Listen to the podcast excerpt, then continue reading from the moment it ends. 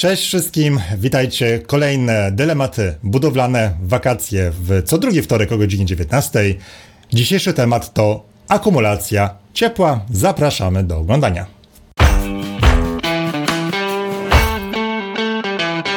Cześć Krystian. Cześć Sławku. Myślę, że powinniśmy tradycyjnie, tradycyjnie, mhm. wakacyjnie przedstawić się na początku dla naszych nowych widzów, tudzież słuchaczy, e, bo ostatnio troszeczkę nam się zapomniało to robić. Wchodzi ktoś nowy. Tak ja jest. nazywam się Krystian Lemkowski, zajmuję się budownictwem, e, budownictwem mieszkaniowym, e, buduję domy, bloki wielorodzinne, zajmuję się zarządzaniem tymi inwestycjami. Inżynierem jestem już od 10 lat praktycznie. I taka jest moja profesja. Sławko, a ty?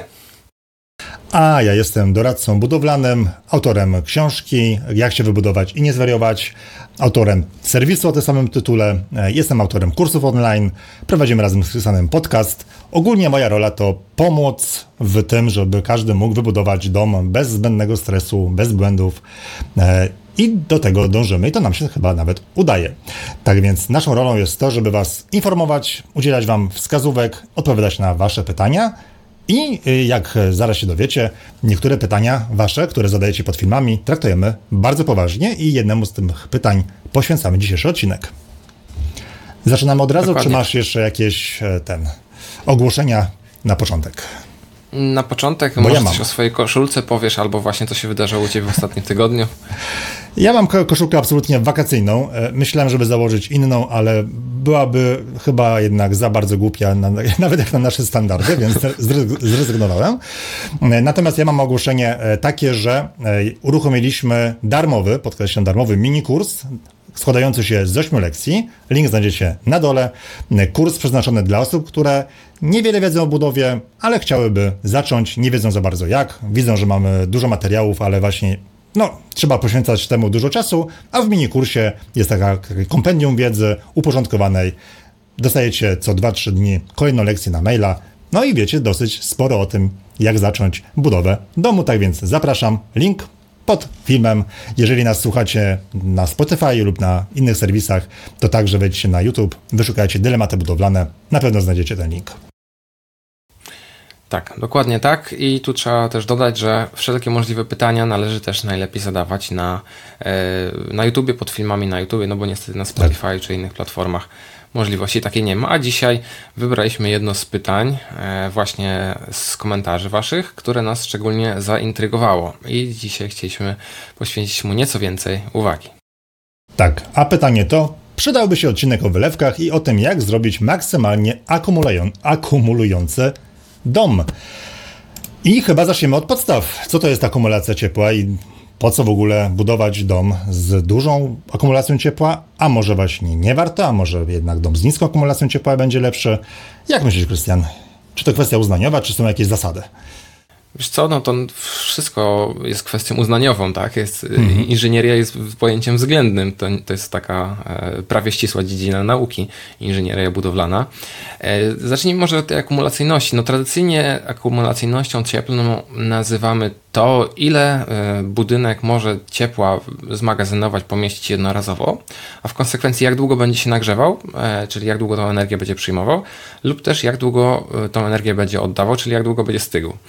I moim zdaniem e, wysoka akumulacyjność cieplna jest dla osób normalnie użytkujących dom, tutaj gwiazdka przy tym normalnie, zaraz wyjaśnię, dla osób normalnie użytkujących dom jest wskazana, a wręcz pożądana, bo wtedy dom ma bardziej stabilną temperaturę e, wewnętrzną, niezależnie od tego, co się dzieje na zewnątrz, czy wieje silny wiatr, czy jest mróz, czy świeci słońce i tak dalej. Dłużej ten dom się nagrzewa, ale on się nagrzewa praktycznie mm, stopniowo e, jesienią i zimą, a później się stopniowo schładza przed latem i później no lato nie chcąc, nie chcąc nam go troszeczkę znowuż nagrzeje, ale jakby tak. I dlaczego uważam, że to jest, e, to jest pożądane zjawisko, wysoka akumulacyjność przy normalnym użytkowaniu. I tutaj jakby muszę zdefiniować, co rozumiem pod pojęciem normalne użytkowanie. Chodzi mi o to, gdy ktoś normalnie mieszka w domu, czyli codziennie w tym domu jest, codziennie z niego korzysta, codziennie chce mieć w nim ciepło, po prostu w nim mieszka na co dzień. E, no bo jeżeli budynek jest nieużytkowany przez dużą część czasu, no to jest jakby odrębny temat. Ktoś potrzebuje do domku, nie wiem, letniskowego czy wypoczynkowego, tymczasowego, wpaść, pomieszkać kilka dni, wyjechać, to jest absolutnie inna sprawa. W takim przypadku raczej bym odradzał wysoką akumulacyjność, tam bym się skupił na tym, żeby ten domek się szybko nagle, nagrzewał wedle potrzeby i po prostu zużywał mało energii, ale to jest kompletnie odrębny temat. Przy normalnym użytkowaniu, moim zdaniem, wysoka akumulacyjność jest po prostu e, pożądana. Chyba już odpowiedziałem na wszystkie Twoje pytania w jednym. Tak, też się zgadzam i tutaj chyba warto parę mitów rozwiać na samym początku, ponieważ spotkałem się ty pewnie też wiele razy z informacją, że jak budujesz dom o niskiej akumulacji ciepła, na przykład budynek szkieletowy, no to dzięki temu będziesz płacił mniej za ogrzewanie. E, argumentacja jest taka, że taki dom o niskiej akumulacji szybko się nagrzewa, i rzeczywiście, jak wejdziesz do takiego zimnego domu, włączysz źródło e, ogrzewania, no to już szybciutko rzeczywiście będzie w domu ciepło. E, natomiast właśnie jest to mit, ponieważ to, że dom się szybko lub e, wolno nagrzewa, nie ma takiego bezpośredniego przełożenia na koszty ogrzewania. Mm, I jestem ciekawy, czy się spotkałeś z taką argumentacją, czy, czy jednak nie za często. Spotkałem się z tym jak najbardziej, mhm. no ale tu, tutaj moje zdanie jest tak sam, takie samo jak twoje. To jest po prostu jeden z kolejnych mitów budowlanych i to mm, to nie ma większego znaczenia w ogólnym rozrachunku, w całorocznym rozrachunku za ogrzewanie dla domu, który jest całorocznie e, ciągle użytkowany. Tak, no tak jak wspomniałem, mhm. jeżeli ktoś okazjonalnie użytkuje budynek, jakiś tam domek letniskowy czy coś takiego, to, to tak, to ma znaczenie, może mieć znaczenie. Jeśli, jeśli mówimy o domu całorocznym, to, to jest pomijalny aspekt. E, dam taki przykład, bo spotkałem też się z taką, z, takim, z taką argumentacją, że na przykład w domu szkieletowym e, możesz wyjechać sobie na wakacje na 3 e, tygodnie, no i dzięki temu zapłacić za ogrzewanie przez ten czas mniej niż w domu murowanym, które będzie trzymał tę energię, będzie tę energię właściwie marnotrawił. Na, natomiast to trochę nie tak działa. To, ja mam dom murowany, nawet w zeszłym roku była u nas w okolicach Żardowa wielka, wielka wichura, połamała drzewa, linie energetyczne i tak dalej. No i oczywiście wiele domów nie miało e, prądu i też nie miało ogrzewania przez nawet kilka dni. W moim domu nie było e, ogrzewania przez chyba dwa dni, o ile dobrze pamiętam. I w ciągu tych dwóch dni temperatura we wnętrzu domu spadła o, o ile nie pamiętam, o ile pamiętam dobrze, chyba o 3 albo 4 stopnie Celsjusza.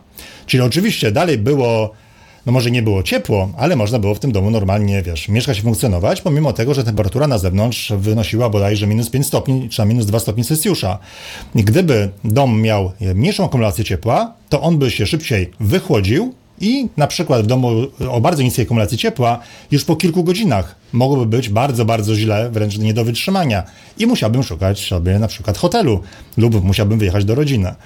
Tak więc e, to, że dom ma e, niską akumulację ciepła dla mnie nie jest e, zaletą z uwagi na to, że taki dom nie jest odporny na awarie właśnie źródła ogrzewania, braki dostawy, w dostawie prądu i tak no to jak najbardziej można się, można się z Tobą zgodzić. No myślę, że tym argumentem, który ludzie ponoszą za, e, za niską akumulacyjnością cieplną jest to, że nie marnuje się energii na podgrzanie tego domu i później jeśli ktoś wyjedzie, to mhm. ta energia, mm, która jest w budynku zakumulowana, no nie jest e, rozpraszana w momencie, kiedy nikogo tam nie ma. No i rzeczywiście Mm, rzeczywiście tak to jest, ale dlatego na samym początku powiedziałem, mówimy tutaj o warunkach, gdy ktoś normalnie użytkuje dom, to znaczy mieszka w nim cały rok, a jeżeli ktoś wyjeżdża na jedne wakacje w ciągu roku na zimę, na tydzień na narty, no to jakby dla mnie to jest pomijalne w skali, w skali całego roku.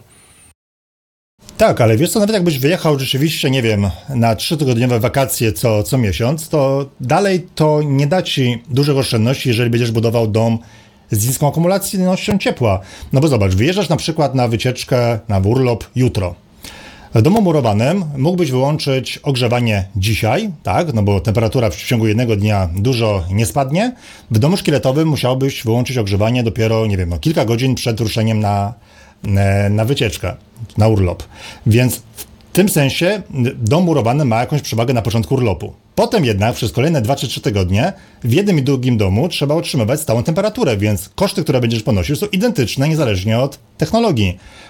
Jak wracasz do domu, to masz w drugą stronę. W domu szkieletowym wystarczy, że włączysz ogrzewanie kilka godzin przed twoim powrotem.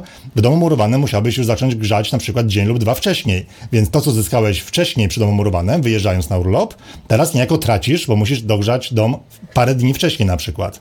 Ale w skali jakby całego urlopu to są jakieś pomijalne w ogóle rzeczy, nie mające w, tak naprawdę realnego wpływu na wysokość kosztów za ogrzewanie.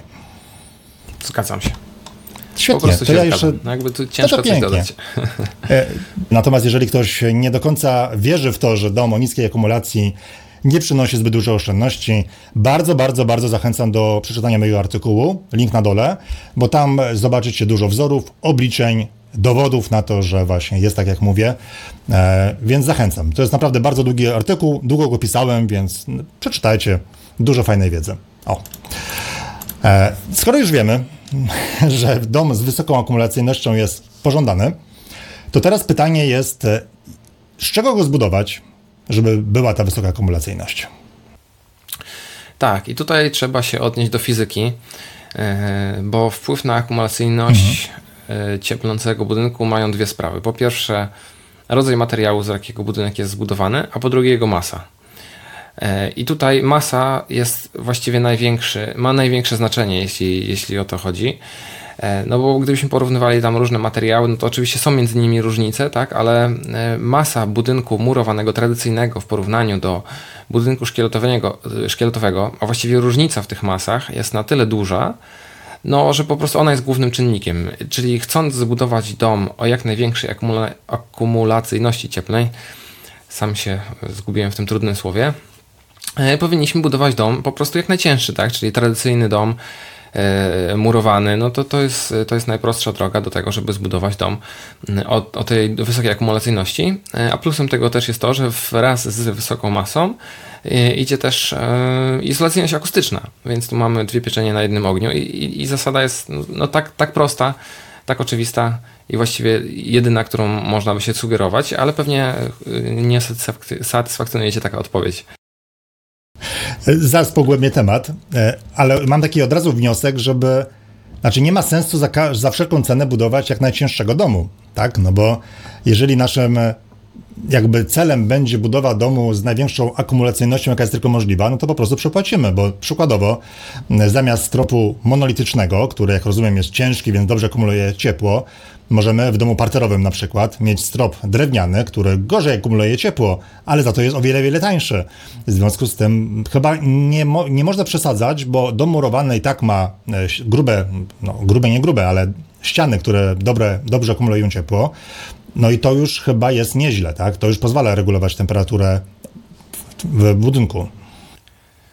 Znaczy się, no tutaj się prawie z tobą zgodzę, bo e, nie powiedziałbym, mhm. że strop drewniany jest tak aż bardzo dużo, dużo tańszy od, od monolitycznego, to z tym różnie bywa, więc to może powiedzmy traktujmy mhm. jako przykład na, na potrzeby tej rozmowy. E, ale tak, e, jeśli chodzi o no o to, że, żeby czym budować dom o jak najwyższej możliwej akumulacyjności, ja bym w to nie szedł, jakby nie stawiałbym tego jako priorytet podczas budowy domu i nie szedł tą drogą, że wszystko musi być jak najcięższe, żeby zbudować dom jak najbardziej akumulacyjny, no bo dokładnie tak jak mówisz, dom murowany sam z siebie ma już po prostu wysoką akumulacyjność. I to, czy wybierzemy taki, czy inny strop, oczywiście ma na to wpływ, ale ten wpływ już nie będzie aż tak duży, jak w momencie, gdy wybieramy pomiędzy domem murowanym a domem szkieletowym. No oczywiście, jeśli ktoś chce, jeśli czuje, że ma taką potrzebę, zbudować dom o większej akumulacyjności, no to jakby nic nie stoi na przeszkodzie. Oczywiście można to zrobić, kierując się tą prostą zasadą, im cięższy, tym lepszy, ale samo z siebie wybieranie materiałów tylko i wyłącznie po to, żeby e, były, żeby budynek cały miał większą akumulacyjność nie ma sensu, ale tak jak wspomniałem, e, ma to też efekt uboczny albo efekt powiązany, czyli wzrost izolacyjności akustycznej. Więc jeżeli ktoś chce mieć dom no, o dobrej izolacyjności akustycznej, mhm. no to tutaj wtedy dobrym, dobrym wyborem będzie wybieranie cięższych materiałów, no i pieczemy dwie pieczenie na jednym ogniu po prostu. Okej, okay, to powiem Ci tak, w domu murowanym rzadko się spotykam z, z takim podejściem, żeby właśnie używać materiałów, które mm, spowodują wzrost akumulacyjności. Natomiast spotkałem się y, w domach szkieletowych, że niektórzy mm, dodatkowo na przykład dają ściany wewnętrzne silikatów właśnie po to, aby podwyższyć akumulacyjność domu szkieletowego, bo wszystko zależy od tego, jakie mamy oczekiwania. Możemy budować dom szkieletowy i zrobić tak, żeby jednak no, dłużej trzymał e, ciepło, więc e, no, kwestia oczekiwań. W domu murowanym za to e, Chyba z materiałów, które są ważne, myślę, że warto poruszyć temat wylewek. bo mamy wylewki anhydrytowe, mamy wylewki cementowe. No jedna szybko traci ciepło, druga dobrze je akumuluje. Oczywiście wylewka cementowa dobrze akumuluje ciepło. I spotkałem się też z taką argumentacją, że wylewka anhydrytowa jest lepsza, bo szybciej się podłoga nagrzewa. No ale też podłoga szybciej stygnie. W związku z tym, no też pytanie, czy opłaca się brać taką wylewkę tylko z uwagi na to, że się szybciej nagrzewa, w, zaznaczam, w budynku, który użytkujemy codziennie, całorocznie. No, moim zdaniem to, to się również mija z celem, tak? No bo tu, tu się tyczą te same zasady, o których mówiłem. Mhm. Dla całego budynku nie ma, nie ma potrzeby szybko podgrzewać i szybko chłodzić wylewki, jeśli w budynku jest dosyć stała, e, równomierna temperatura przez cały czas, to wtedy nam chłodzenie i grzanie nie jest po prostu potrzebne. Jakby ta funkcja jest, jest zbędna, no bo, no bo do czego ona miałaby służyć, jeśli mamy cały czas ściany, stropy, e, no, elementy wyposażenia wnętrza, które tą temperaturę trzymają i które nawet pomimo zaniku ogrzewania na jakiś czas, tą temperaturę będą utrzymywać przez kilka albo kilkanaście godzin, na komfortowym poziomie, no to w jakim celu miałbym mieć wylewkę, która mi się nagle szybko nagrzeje albo mhm. nagle szybko schłodzi? To jest zbędna funkcja dla mnie. No właśnie, właśnie. E, no to niestety mamy znowu podobne zdanie na, na wiele tematów. Jak zwykle. nie, niedobrze, niedobrze. Cóż, trudno. Tak to jest. Co jeszcze? Co jeszcze możemy wziąć pod uwagę? Wiesz co, pod uwagę mm, możemy wziąć jeszcze kilka rzeczy, o których, o których napomknęliśmy w poprzednim podcaście odnośnie, odnośnie termoizolacji, bo to jest e, ciekawy temat, jeśli właśnie chodzi o, e, o akumulacyjność cieplną. No bo trzeba pamiętać też o tym, że sama izolacja, e, termoizolacja, czy to ścian, czy to dachu, ona też akumuluje ciepło. I to ciepło może oddawać e, albo do budynku, co latem jest nie za bardzo korzystne, albo może się schłodzić w nocy latem, jeśli przyjęła jakąś ilość ciepła, albo może oddawać e, albo może chronić budynek przed oddawaniem ciepła, albo sama może tego ciepła troszeczkę zakumulować, więc to jest taki element, który warto wziąć pod uwagę, no myśląc o akumulacyjności cieplnej e, swojego budynku. Jeżeli ktoś chce budować dom o wyższej akumulacyjności, no to powinien też użyć tych materiałów cięższych e, do izolacji, czyli właśnie e, wełna mineralna zamiast styropianu na ścianach, no bo, bo ona tak jak mówię, będzie też akumulowała to ciepło, szczególnie latem, gdzie będzie się ta wełna nagrzewała od słońca jako elewacja. Wtedy nocą ma szansę tego ciepła nieco oddać i po prostu e, to ciepło nie trafi do naszego budynku, do wnętrza, dzięki czemu troszeczkę mhm. tej. Mm, e, te, tego ciepła e, no, po prostu odbijemy na zewnątrz, tak w uproszczeniu mówiąc. To samo się tyczy pokrycia dachowego gdzie na przykład dachówki y, ciężkie, ceramiczne, znacznie cięższe niż y, blacha czy blachodachówka, one też pewną ilość ciepła w sobie zakumulują latem, a później mogą je nocą oddać i dzięki temu pomieszczenia na poddaszu też tak bardzo mocno nagrzewać się nie będą. Tu też są takie drobne aspekty, jakby drugorzędne, ale mające wpływ właśnie na, na komfort użytkowania budynku. No właśnie, znaczy to powiedziałeś, ale myślę, że to jakby trochę powtórzę swoimi słowami, bo mm, trzeba sobie z tego zdawać sprawę, że jeżeli na przykład jest upał, jest godzina 11, słońce świeci z pełną mocą, to jeżeli masz dom, który ma wysoką akumulację ciepła, to zanim wewnątrz budynku będzie tak samo gorąco, to potrwa to powiedzmy 2-3 godziny, w zależności oczywiście od budynku, projektu i tak dalej, zanim mury oddadzą tę energię do środka. Jeżeli dom miałby jednak niską akumulacyjność cieplną, no to ten budynek oddałby to ciepło właściwie od razu. Więc tak naprawdę im większa akumulacyjność, tym lepiej, ponieważ w pomieszczeniach będzie goręcej później, i w dobrych warunkach być może będzie już na tyle chłodniej na zewnątrz, że będzie, móc, będzie można na przykład, nie wiem, włączyć rekuperację w trybie bypass, żeby Mm, żeby troszeczkę to powietrze zewnętrzne ochłodziło mm, pomieszczenia wewnątrz. Więc tak chciałbym dodać, żeby to wybrzmiało, bo mówiłeś o tym, ale to trzeba jakby podkreślić, że dom z dużą akumulacyjnością wolniej reaguje na zmianę temperatur zewnętrznych. Tak, o. nie tylko zimą, ale również latem. O, tak, tak bym to tak. powiedział. I to fajnie widać na przykładzie budynków z piwnicą, bo mm, jakby moja obserwacja jest taka, że budynki, domy podpiwniczone E, często są chłodniejsze latem, po prostu. Mhm. E, na parterze, no bo na piętrze różnie bywa, te piętra jednak, jednak mają tendencję do tego, że jest na nich cieplej niż na parterze i to absolutnie naturalne. E, ale budynki z piwnicami, dzięki temu, że mają tą akumulacyjność, dzięki temu, że nie tylko nagrzewa się parter, ale też nagrzewa się piętro, ale jeszcze nagrzewa się ta piwnica, jeżeli mamy za dużo energii, na przykład mhm. latem, no to one będą chłodniejsze. Ta, to połączenie z gruntem przez piwnicę jest tutaj korzystniejsze yy, latem na pewno, zimą no już niekoniecznie, to już ta, ta piwnica może, może troszeczkę tej energii nam zabierać, chociaż też to nie jest jakoś strasznie odczuwalne. Jeżeli mamy ocieplenie pomiędzy parterem a piwnicą. Zimą to nie jest y, odczuwalne na minus, a latem jest odczuwalne, odczuwalne na plus. Przynajmniej no, takie jest moje y, subiektywne tak. zdanie, subiektywna obserwacja. Nie wiem, jak, jak ty masz y, doświadczenia. No mam podobne, nie? więc po, mogę potakiwać, tak, tak, właśnie, tak właśnie jest.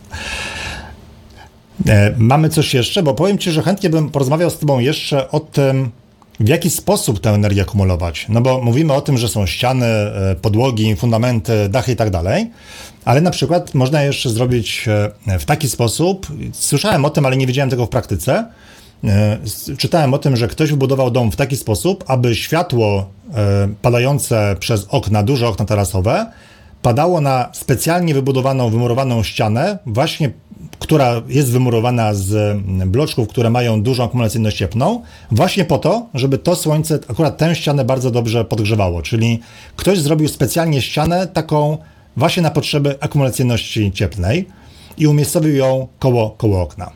Więc tak. ja nie wiem, czy to jest, e, czy to jest praktyczne, ale jest to na pewno ciekawe. Wiesz co, no tu wchodzimy już na terytorium budynków e, pasywnych i to w takim mhm. wysokim standardzie, gdzie faktycznie wykonuje się obliczenia, e, symulacje nasłonecznienia czy zacienienia e, pewnych fragmentów, no całego budynku, tak? Po to właśnie, żeby latem, gdy słońce jest wyżej, odbijać tą energię słoneczną na przykład od dachu, żeby ona nie wpadała i nie przegrzewała tych pomieszczeń. Natomiast zimą, gdy słońce jest nisko, E, tak się dobiera zacienienie okien, żeby słońce przez okna wpadało, żeby te pomieszczenia możliwie maksymalnie dogrzewało i tak jak mówisz, między innymi też można sobie postawić mhm. taką ścianę, która no, tej energii słonecznej też troszkę, troszkę zbierze. No na ile jest to praktyczne rozwiązanie i na ile tej energii mhm. uda się zebrać, no to zależy od e, nie wiem jak dużej ilości czynników nasłonecznienia, lokalizacji, ilości dni słonecznych w roku, wymiarów okna, budynku, ogrom, ogrom tak. danych, ale pewnie jest z tego mhm. jakiś plus. Czy na tyle istotny, żeby się opłacało? Nie wiem, nie mam pojęcia. Tu by trzeba pewnie zapytać projektanta e, domów pasywnych, który takie rzeczy potrafi przeliczyć i, i jakoś to liczbowo e, wykazać, bo, bo tak to, to nie odpowiem. Na pewno, na pewno jest to jakiś plus, tak? Mhm. Ale jak duży? Trudno powiedzieć, zresztą to też zależy od, no tak jak mówię, od samego budynku, więc ciężko tu operować jakimikolwiek liczbami, ale tak, jakby da się jak najbardziej to zrobić. Mm, no zauważ też na, na przykładzie w drugą stronę, tak, na przykładzie e, staropolskich, nie tylko zresztą, tradycyjnych ziemianek, które e, są zasypywane już, znaczy właściwie były, bo teraz może już ziemianki są mniej popularne, chociaż chyba wracają do łask, były zasypywane warstwą gruntu rzędu jednego metra. I ta duża akumulacyjność właśnie gruntu nad ziemianką powodowała to, że, że utrzymuje się w niej ta mhm. stała, no w miarę stała temperatura, mimo że nie ma tam ani ogrzewania, ani klimatyzacji, a wewnątrz dało się przechowywać jakieś tam produkty spożywcze. Mm-hmm. I, się, I się mocno nie psuły latem, tak? bo temperatura była komfortowa. Tak? To ze względu właśnie na to, że, że tam była duża akumulacyjność cieplna prostego, prostego rozwiązania, czyli nasypanego nad ziemianką gruntu. No widzisz. No i poza tym samo wymurowanie też nie wystarcza, bo jeżeli światło pada przez okna, no to też musimy mieć odpowiedni pakiet szybowy, odpowiedni współczynnik LT albo G, nie pamiętam, który współczynnik odpowiada za to, ile światła słonecznego wpada przez okno. Więc zaprojektowanie takiego budynku na pewno nie jest proste i na pewno będzie kosztowało więcej niż zaprojektowanie budynku standardowego. Tak więc tak wydaje mi się, że o ile ja dbam o to, żeby budować domy, żeby jak najmniej płacić za ogrzewanie, to mimo wszystko ta akumulacyjność przy domu murowanym wydaje mi się trochę przereklamowana. To znaczy, że dom murowany jest wystarczająco akumulacyjny, I nie ma znaczenia, że użyjemy nawet najcięższych materiałów, jeżeli weźmiemy wykonawców i niestaranie nam ułożą termoizolację, albo weźmiemy jakąś ekipę od okien, która nam niestaranie zamontuje okna, o czym też mówiliśmy w innych podcastach, no bo wszystko to, co byśmy chcieli dobrego, to zostanie zmarnowane właśnie przez niestaranne wykonanie. I chyba bym tego bardziej pilnował, a nie koncentrował się na tym, żeby właśnie budować dom z jak najcięższych materiałów. Tak, a ja powiem jeszcze inaczej. Mm, izolacyjność y, termiczną budynku wykonaną dobrze i wysoką akumulacyjność cieplną mm, możemy przekuć na swoje nieszczęście w bardzo prosty sposób, na przykład właśnie stosując okna tak duże, że nam się budynek będzie latem przeokropnie nagrzewał i później nie będzie gdzie tej energii cieplnej, mhm. Y, jak to powiedzieć, no, oddać, tak? No bo zimą nie y, nocą nie zdążymy, budynek nie zdąży się wychłodzić. W ciągu dnia, długiego, letniego, ciepłego dnia przez ogromne szyby nagrzeje się nam straszliwie. Będzie miał dużą akumulacyjność cieplną i dobrą termoizolację. No to, no to będzie niemiło w środku i trzeba mieć wtedy solidną klimatyzację, która będzie to wszystko e, bardzo, bardzo, bardzo mocno chłodziła, więc e, wydaje się, że tutaj nadrzędne powinno być zastanowienie się, w jaki sposób światło słoneczne, czy, czyli po prostu energia słoneczna wpada do naszego domu i czy latem nie będzie wpadało jej zbyt dużo, bo zimą łatwiej dogrzać budynek e, niż latem, latem go schłodzić. Po prostu. Tym bardziej, że u nas jest klimat no, z grzaniem e, jako mhm. dominującym. Więc, więc to się wydaje, czy to jest priorytetem po prostu w stosunku do, do chłodzenia budynków. No tak, i to do, dobry temat w ogóle na kolejny podcast a propos chłodzenia i klimatyzacji, bo są technologie, które obiecują nam dużo oszczędności na ogrzewaniu, ale nic nie mówią o tym, że na przykład jest ryzyko przegrzewania budynku i to, co zaoszczędzisz na ogrzewaniu, wydasz na klimatyzację. Więc zawsze trzeba brać pod uwagę to, ile dom będzie cię kosztował w ciągu roku, a nie tylko w ciągu sezonu grzewczego. Mam takie wrażenie, że w ogóle teraz temat chłodzenia jest nawet trochę ważniejszy albo trudniejszy w realizacji od ogrzewania. No bo wiesz, w domu zawsze będzie ciepło, kwestia kosztów, ale żeby zrobić, żeby było w domu chłodno, to już tak nie jest oczywiste. No jest to mniej popularne u nas, po prostu mm. jest to mniej popularne, myślę, że z tego tytułu, ale mnie zaintrygowałeś teraz. O jakich technologiach myślisz? O, mówisz o technologiach budowy, czy, czy o już samych instalacjach? Technologiach budowy, prefabrykaty, także niektóre firmy, które reklamują domy szkieletowe, właśnie trochę, wiesz, przemilczają, przemilczają niektóre, niektóre dane, obiecując właśnie niskie rachunki za ogrzewanie, ale jeżeli chodzi o chłodzenie, to takiej informacji ci nie przekażą. Tak więc, e, tak, tak, to, tak to niestety widać. No tak, no dlatego, dlatego tak jak mówię, tu trzeba zastanowić się, szczególnie dobierając projekt katalogowy, mhm. E, żeby, no żeby te słońce jakoś zagospodarować e, wewnątrz, a najlepiej jeszcze na zewnątrz, żeby nie trafiło latem na wielkie przeszklenia, bo robi się po prostu w domu akwarium i jest, jest bardzo, bardzo niemiło i bez klimatyzacji wtedy ani rusz, a znowuż klimatyzację pozakładać w całym domu, no to jest niemały koszt, a jeszcze ją mhm. Mm, eksploatować, no to jest dodatkowy koszt porównywalny z kosztem ogrzewania, więc więc warto to, warto to przemyśleć i tutaj, no tak jak mówimy, e, akumulacyjność cieplna może być wtedy sporym wrogiem, jeżeli zrobimy sobie dom, który to, tą energię ze słońca łatwo pozyskuje i jej nie chce oddać. A ty masz klimatyzację, czy, czy nie u siebie? W domu nie mam, nie. I jak sobie radzisz? Ja też nie mam, właśnie, to, to jest ciekawe. Jak sobie Co? radzisz? Mm, chciałem założyć klimatyzację, ale mhm. jakoś tak nie jest to potrzeba najwyższego priorytetu, więc, więc ciągle jest na mhm. później odkładana. Jasne. I czy, jak sobie radzę? No w tym roku to w ogóle bezproblemowo, bo mamy co chwilkę jakiś chłodniejszy y, dzień mhm. czy chłodniejszą noc, więc spokojnie da się dom na tyle wywietrzyć i przez noc, że, że, że nie przegrzewa się. A tak, no to co? No to się spało i mieszkało w ciepłym domu po prostu, gdy było za gorąco. Nic więcej. No, no o, o, otóż to, bo wiesz co, bo zauważyłem, że są osoby, które twierdzą, że wentylacja mechaniczna jest obowiązkowa i każdy dom musi mieć. I teraz słyszę coraz częściej, że klimatyzacja jest taką rzeczą, wiesz, obowiązkową. E, może nie pod względem prawnym, ale pod względem komfortu. A tymczasem znowu kwestia oczekiwań. Ja nie mam klimatyzacji. Gdyby kosztowała 100 zł, to pewnie bym sobie zamontował, ale kosztuje grube, grube tysiące i ja ją potrzebuję, albo inaczej, bym jej potrzebował może 4 razy do roku, więc no jakby po co mi ten wydatek? Ale jak mówię, jak ktoś, myślę, że możemy powiedzieć czytelnikom, naszym widzom, że jeżeli chcą coś więcej o klimatyzacji, to nagramy kolejny odcinek, bo jak widzimy, słuchamy te, propozycji. Tak. Tak, ale to wiesz co, to jeszcze trzeba dodać troszeczkę gwiazdek do tego wszystkiego.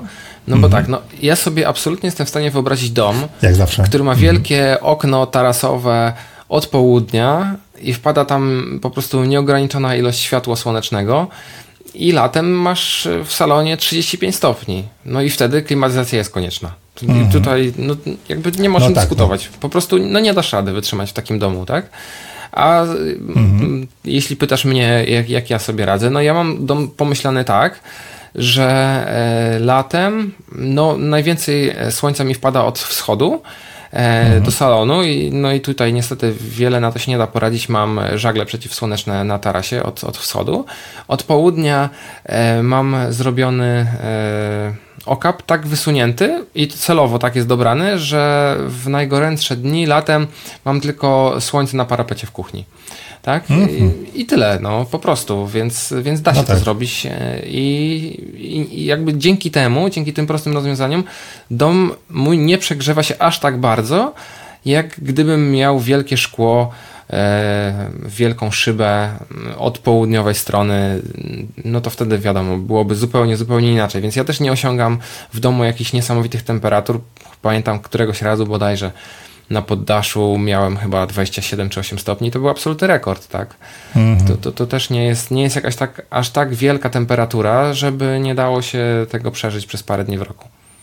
No ja mam te, po, podobnie pod tym względem, że nie mam dużych przeszkleń, jak zresztą widziałeś u mnie i to było specjalnie, bo nie miałem takiej potrzeby i to się naprawdę sprawdza w moim przypadku. Natomiast jeżeli ktoś chce mieć ogromne przeszklenia i jednocześnie niskie rachunki za ogrzewanie, jednocześnie najlepiej, żeby nie wydawał nic za klimatyzację, no to tak się nie da. Znaczy, to jest, to jest trudne, bo niektóre nasze oczekiwania są sprzeczne i trzeba postanowić, co jest ważniejsze. Piękny widok z, przez okno, ale będziemy płacić więcej, czy jednak zależy nam na tym, żeby nasz budynek był bardziej ekonomiczny. I wiem, że nie są, nie są to proste, e, proste pytania, proste odpowiedzi, ale chyba każdy musi na nie odpowiedzieć jeszcze przed tym, jak wybierzemy projekt budowlany. Tak. I wiesz co, tutaj chciałbym jeszcze jedną rzecz dorzucić taką z, z pogranicza akumulacyjności i fizyki. To znaczy tak, jeżeli masz, mm, jeżeli masz duże przeszklenie, na przykład e, tak jak mówimy te drzwi czy, czy okno w salonie na taras, to zasada działania jest taka. Ono oczywiście ma znacznie gorszą termoizolacyjność niż ściana z ociepleniem i to tak 7, 6, 7, 8-krotnie, już tam nie wchodząc w szczegóły, kilkukrotnie gorszą termoizolację. To znaczy, że kilkukrotnie więcej energii e, zimą e, takie okno wypuszcza na zewnątrz i ta energia no, po prostu jest już stratna. Ale co ważniejsze, takie okno, ono nie ma akumulacyjności cieplnej praktycznie żadnej, i będzie, i przez to, że, że ma dużo gorszą termoizolacyjność, ono będzie miało niższą temperaturę powierzchni niż temperatura otoczenia. Jakby na przykładzie. Jeżeli mhm. zimą twoja ściana dobrze ocieplona wewnątrz domu, nawet nie to, że jakoś szczególnie słońce na nią pada czy, czy, cokolwiek, tylko jakaś tam typowa ściana, nawet nocą bez dogrzewania słońcem, jej powierzchnia będzie, temperatura jej powierzchni będzie miała, no strzelmy na to, niech będzie 20 stopni, a wewnątrz będzie 22-3. Tak, trochę strzelam, ale to każdy może sobie e, nawet takim termometrem domowym, pirometrem do mierzenia temperatury dzieciom przetestować na własnym E, na własnym budynku, na własnym mieszkaniu.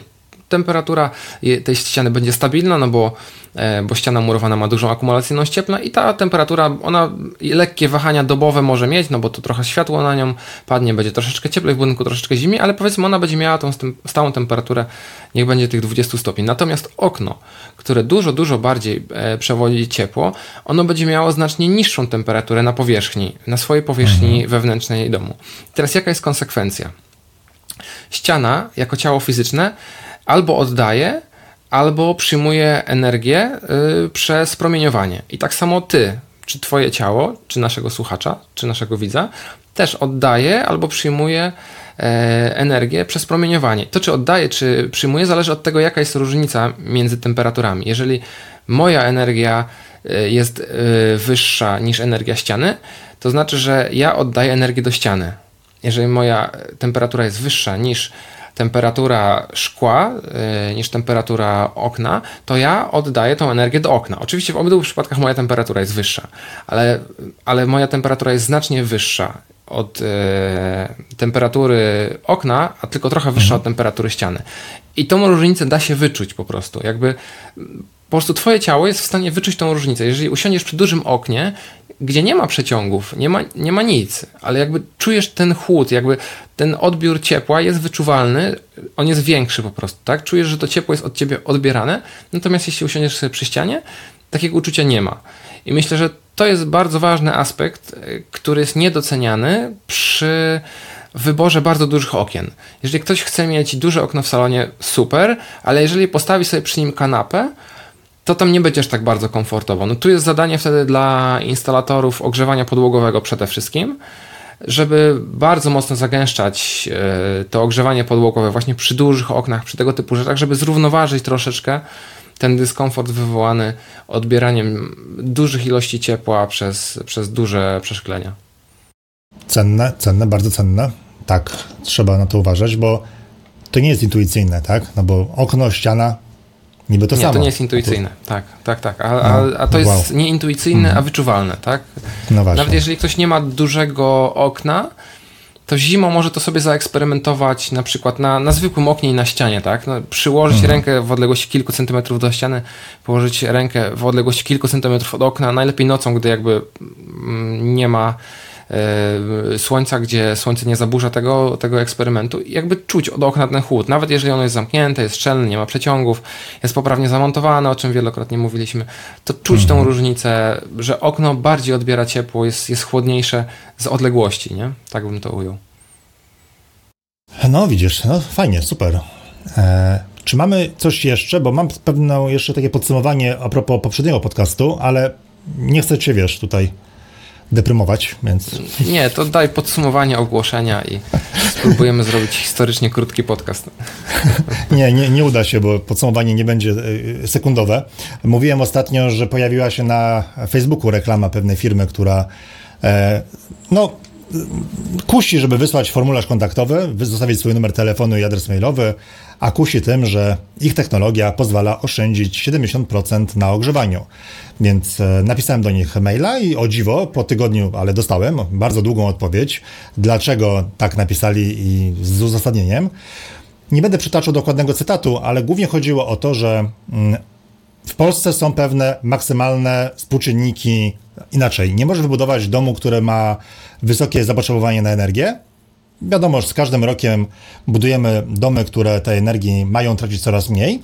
Więc oni wzięli po prostu wartości z przepisów, które nakazują, aby dom nie miał większego zapotrzebowania na energię niż właśnie te przepisy i porównali to do domu budowanego w ich technologii. Innymi słowy, wzięli pod uwagę najgorszy możliwy przypadek, a nie żadną średnią krajową. Tak więc e, taka ciekawostka z pogranicza marketingu i, i, ogrzewania, gdyby porównać dom zwykły murowany do ich technologii, nawet mój dom nie ma szans, żeby oni e, uzyskali aż takie dobre wyniki, a przecież teraz buduje się domy jeszcze bardziej energooszczędne.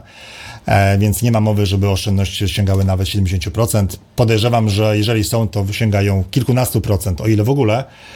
Poza tym, tutaj też zaznaczę, można wybudować dom murowany z każdego materiału, prawie że pasywny albo po prostu pasywny.